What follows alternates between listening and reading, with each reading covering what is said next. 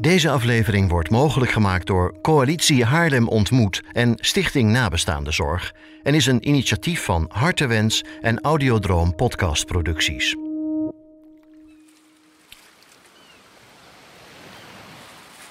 Dit is Wilma.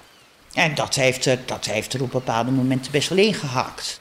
Wilma is 60 jaar en heeft een goede baan. Dat, dat je echt dingen van, van nou, wil ik zo. En, en dat, het was niet zo dramatisch dat scheermesje daarna te pas kwam. En toch is eenzaamheid altijd op de achtergrond aanwezig. Ineens is het er en gaat het gevoel er met jouw geluk vandoor. Eenzaamheid is als een tasjesrover. Onverwacht verdwijnt ineens je plezier. Maar dat je wel dacht van, nou vind ik het leven nu nog zo leuk. Er is iets in mij, maar ik weet niet wat, zegt Wilma. Wat nou als je in jouw leven niet altijd alleen bent en nog echt wel eens mensen spreekt? En wat nou als er nog wel mensen in je leven zijn, maar alleen op afstand? Wat nou als je het gevoel hebt dat mensen je niet nodig hebben en jouw leven geen echte waarde heeft voor anderen? Ben je dan eenzaam als je leven geen echt doel heeft? In deze aflevering van de Eenzaamste podcast praten we onder andere met mensen over het dubbele gevoel waarin je niet alleen bent, maar je toch eenzaam voelt. Deze aflevering draait om mensen die wel de kans hebben, maar er toch niet altijd in slagen om verbinding te leggen met de mensen om zich heen. En we praten over oplossingen. Ja, het ligt voor het oprapen. Het ligt echt voor het oprapen om, nou ja, ik bedoel, daar hoef je niet gestudeerd voor te zijn of uh, voor zorgen voor te zijn. Maar het is een vriendelijk woord in een, in een supermarkt. Een vriendelijk woord als iemand in of uit een bus stapt. Een vriendelijk woord als je iemand tegenkomt. Even in de ogen kijken. En gewoon vriendelijk zijn. Ik denk dat dat zo makkelijk is om eenzaamheid eigenlijk een soort, nou ja, op te lossen. In deze aflevering praten we ook met Els. Ook zij heeft wat moeite om contacten te leggen.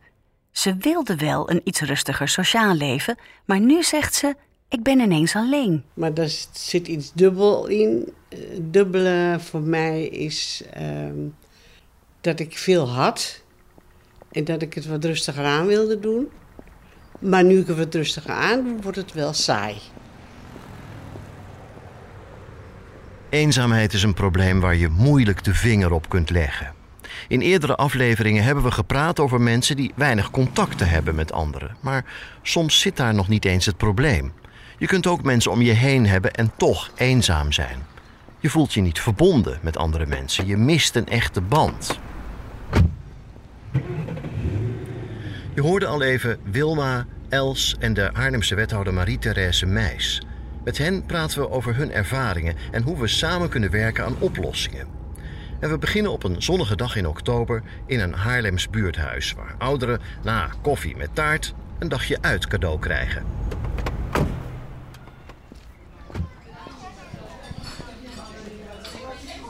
In Haarlem zijn vrijwilligers actief om ouderen uit hun isolement te halen. Vaak lijkt de oplossing voor eenzaamheid simpel. Toch bereiken we hiermee niet iedereen, omdat mensen zich soms schamen voor hun eenzaamheid. Dat gevoel maakt het isolement alleen nog maar groter. Als je ouderen ervan kunt overtuigen dat eenzaamheid niet iets is om je voor te schamen, kun je ze misschien mee laten doen. Al was het maar met iets kleins als een kop koffie. Had net een heel leuk, nou ik kende mevrouw niet, gewoon een heel klein kort gesprek. Echt een superkort gesprekje met deze mevrouw. Die woont in de buurt. Die heeft in de coronatijd alleen gewoond. Ze zegt, ik was al blij als er gewoon iemand langsliep met een hondje. Elke morgen even zwaaien, elke middag even zwaaien. Je kent elkaar niet, maar het zijn die hele kleine gebaren. Die maken je blij. En dat je even, nou ja, zoals nu, even gewoon een koffiemomentje hebt. Zij gaat niet mee met de bus. Maar zeg gewoon even, even een hand op je schouders. Even een kopje koffie met iemand. Even lachen om een klein grapje. Het zijn geen grote wereldschokkende zaken. Hè? Wethouder Marie-Thérèse Meijs van het Sociaal Domein in Haarlem is blij met de vele initiatieven door de stad heen. Ze zijn voor jong en oud. Maar, zegt ze, het is een probleem dat nog niet opgelost is. We doen heel veel. Kijk, kijk om je heen. Hè? Koffieochtenden organiseren, mensen in contact brengen via BUF. Uh, zorgen dat dit soort wensen eigenlijk uit kunnen komen. Hè. Vooral als je naar deze mensen kijkt, zijn toch vaak kwetsbare mensen.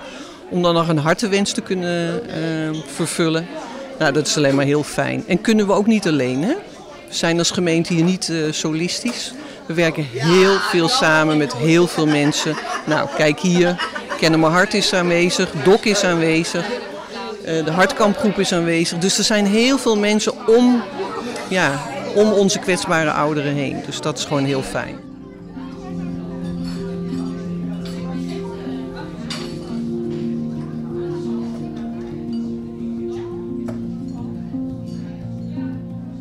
Maar de sleutel is ook ontmoetingen. Gewoon, ja. Kijk naar BUF, hè? Uh, dat is een initiatief waarbij mensen hun wens kunnen neerleggen om nou, iets te laten doen. Maar je kan daar ook jezelf aanbieden om iets voor een ander te doen. En juist in die wederkerigheid uh, zit vaak de sleutel. Ik kreeg net van een bewoner van hier, die hier dus koffieochtenden bezoekt, een cadeautje, een tekening.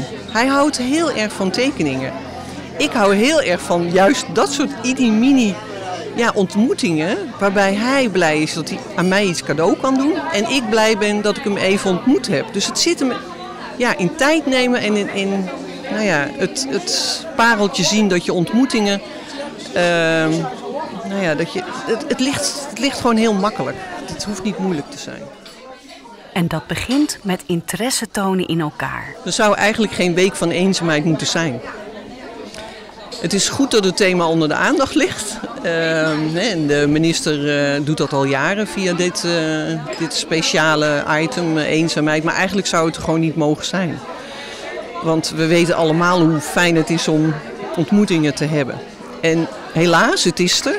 Dus we moeten ook niet de kop in het zand steken daarvoor. En ik denk dat dit soort, nou ja, leuke uitjes als vandaag, zal ik maar zeggen, in het kader van de Week van de Eenzaamheid gewoon heel erg waardevol zijn. Maar het zit hem echt in de gewone dagelijkse, vriendelijke, heel laagdrempelige ontmoetingen. En een beetje mild zijn voor elkaar.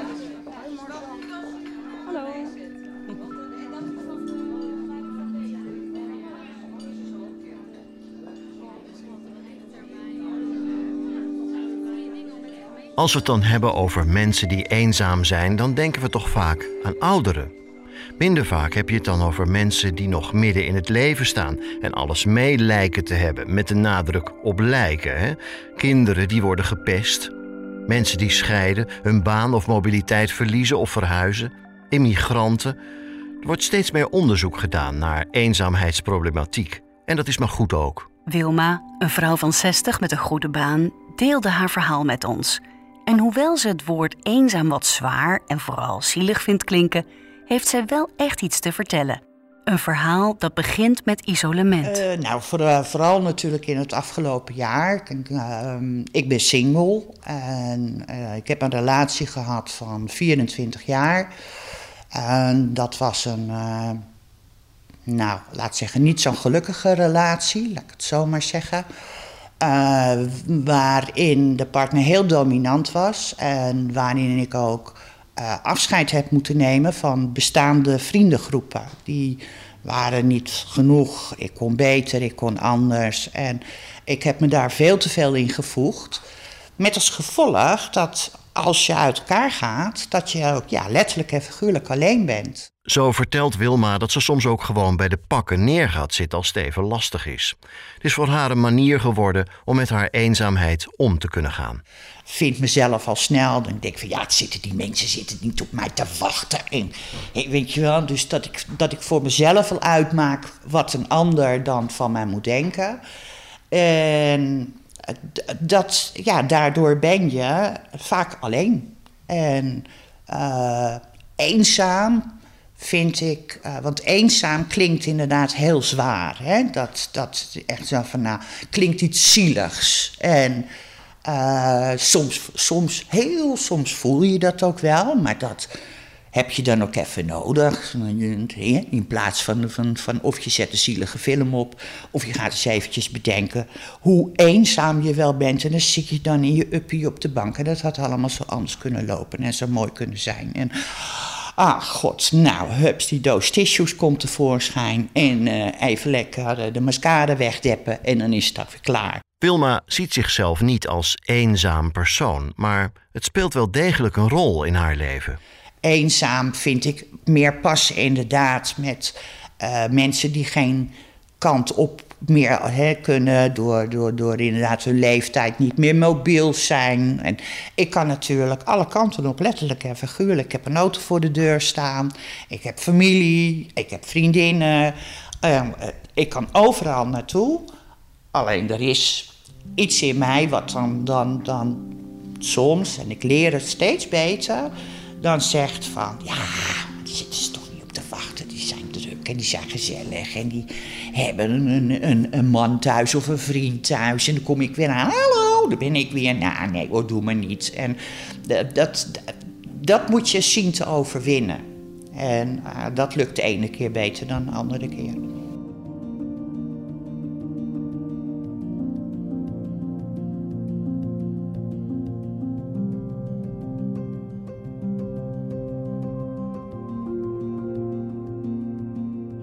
In de coronatijd vielen veel leuke dingen weg. Thuiswerken werd eentonig, sociale contacten waren minimaal, haar vaste kooravond viel weg en het ene na het andere geplande uitje en vakantie kon niet doorgaan. Corona was voor veel mensen zwaar. En zeker voor Wilma. Toch weet ook zij het tijd te keren met wat humor en zelfspot. En dat heeft er, dat heeft er op bepaalde momenten best wel ingehakt. Dat, dat je echt dingen van, van nou, wil ik zo. En, en dat, het was niet zo dramatisch dat scheermesje daarna te pas kwam. Maar dat je wel dacht van, nou vind ik het leven nu nog zo leuk. En dat, dat kan je eigenlijk alleen maar zelf oplossen. Want je kunt het wel tijdelijk door met een vriendin of met, met inderdaad, ik heb een hele goede band met mijn zus, om, om daar dan eventjes mee te praten. Maar je moet het zelf doen. Op enig moment ben ik ook naar de huisarts uh, geweest. En uh, toen heb ik met zo'n uh, prachtige praktijkondersteunende dingen ook gesproken. Maar ja, dan doe ik dat twee keer. En dan denk ik, oh, stel je toch niet zo aan, sieraad, hup. Weet je, ja, kom op. Alsjeblieft. Dus de derde afspraak kwam niet zo goed uit. Dus die heb ik afgezegd. En toen ook in. En dan kon je ook van die online cursussen kreeg je aangeboden met uh, van omgaan met eenzaamheid en uh, omgaan met thuiswerken en zo. Nou, bij vraag drie haak ik al af, want dan denk ik echt, ja, wat moet ik hier nou in gaan zitten vullen? Ja, nou, wat ben ik zielig of zo? Of, uh, en dan moet je je elke dag drie complimenten. Oh mijn god, moet je je elke dag drie complimentjes gaan geven? Of, of dingen noteren van zaken die wel goed zijn gegaan. Nou, dat is niks voor mij. Dat heb ik al gemerkt, dus daar ben ik mee gestopt. En, dus ik ben heel erg van de zelfmedicatie. Niet zeuren, maar uh, huppatee.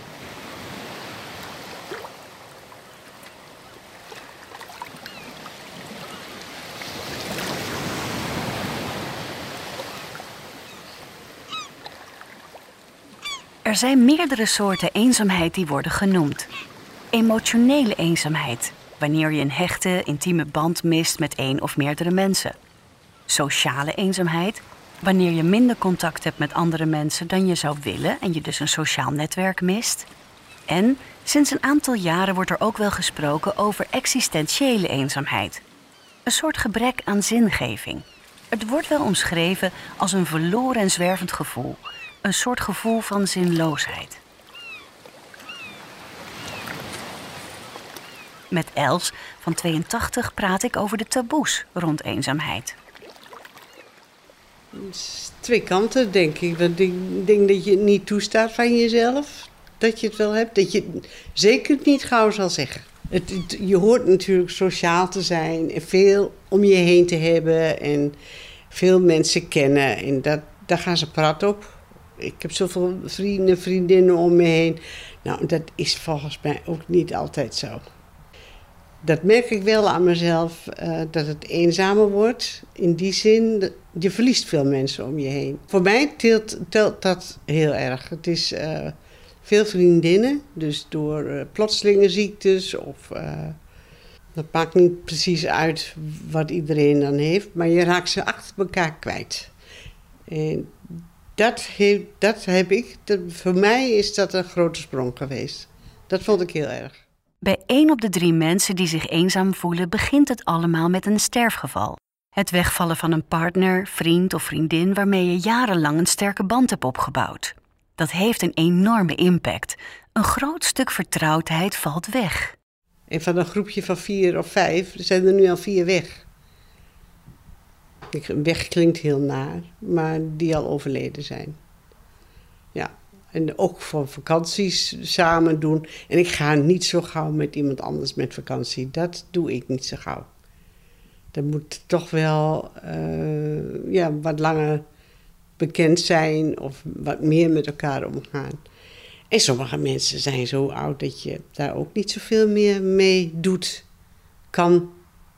Dat is ook best wel moeilijk. En hoewel veel van de mensen die we spraken het heel moeilijk vinden om te doen, ligt de oplossing vaak wel bij jezelf. Door te proberen nieuwe dingen te zoeken, mee te doen aan activiteiten die je gemeente organiseert en zo misschien ook nieuwe vrienden te maken. Ook al is dat anders. Els kost dat nog altijd best wat moeite, maar ze doet het wel. Ik neem toch wel initiatieven. Ik bel mensen op of uh, ga je meer ergens wat drinken of uh, niet zo gauw meer met ga je even mee een stukje fietsen. Want de mensen zijn allemaal ouder. Ze zijn allemaal eind 80, bijna 90. Ja, dat ga je niet zo gauw meer iets mee doen. Mijn sportclubje wel. En ik vind het heerlijk om te zwemmen in zee. Als dat kan, doe ik het elke dag. En nu kwamen jullie, dus nu kon het niet. maar dat, daar schep ik heel veel plezier in. En daar fleur ik helemaal van op. En dan geef ik mezelf een glaasje wijn op het terras. Het liefst met bitterballen.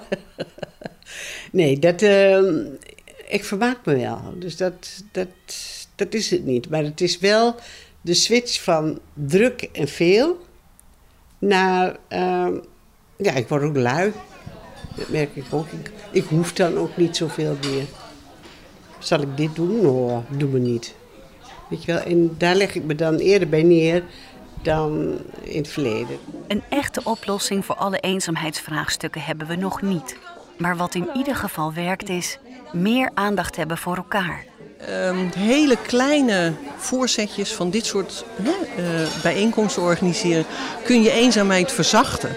Ik denk die gunfactor om elkaar even het woord te geven, even zijn verhaal te laten doen of haar verhaal te laten doen.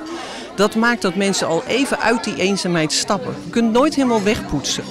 Maar je kan wel er zijn voor iemand om zijn verhaal te horen.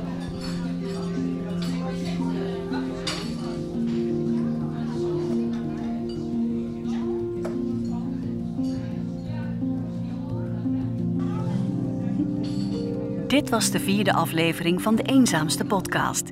In de volgende aflevering. Mijn grootste eenzaamheid is gekomen eigenlijk na mijn ongeluk. Want je bent een actieve sporter. Ik was trainer bij de triathlonvereniging. En als je dan uh, niet zelf meer sociaal kan zijn omdat je alleen maar met jezelf bezig bent, om te herstellen van je, van je dwarslezing zo goed mogelijk, heb je geen tijd en aandacht voor anderen. En dan valt ook de aandacht van de anderen, die valt weg.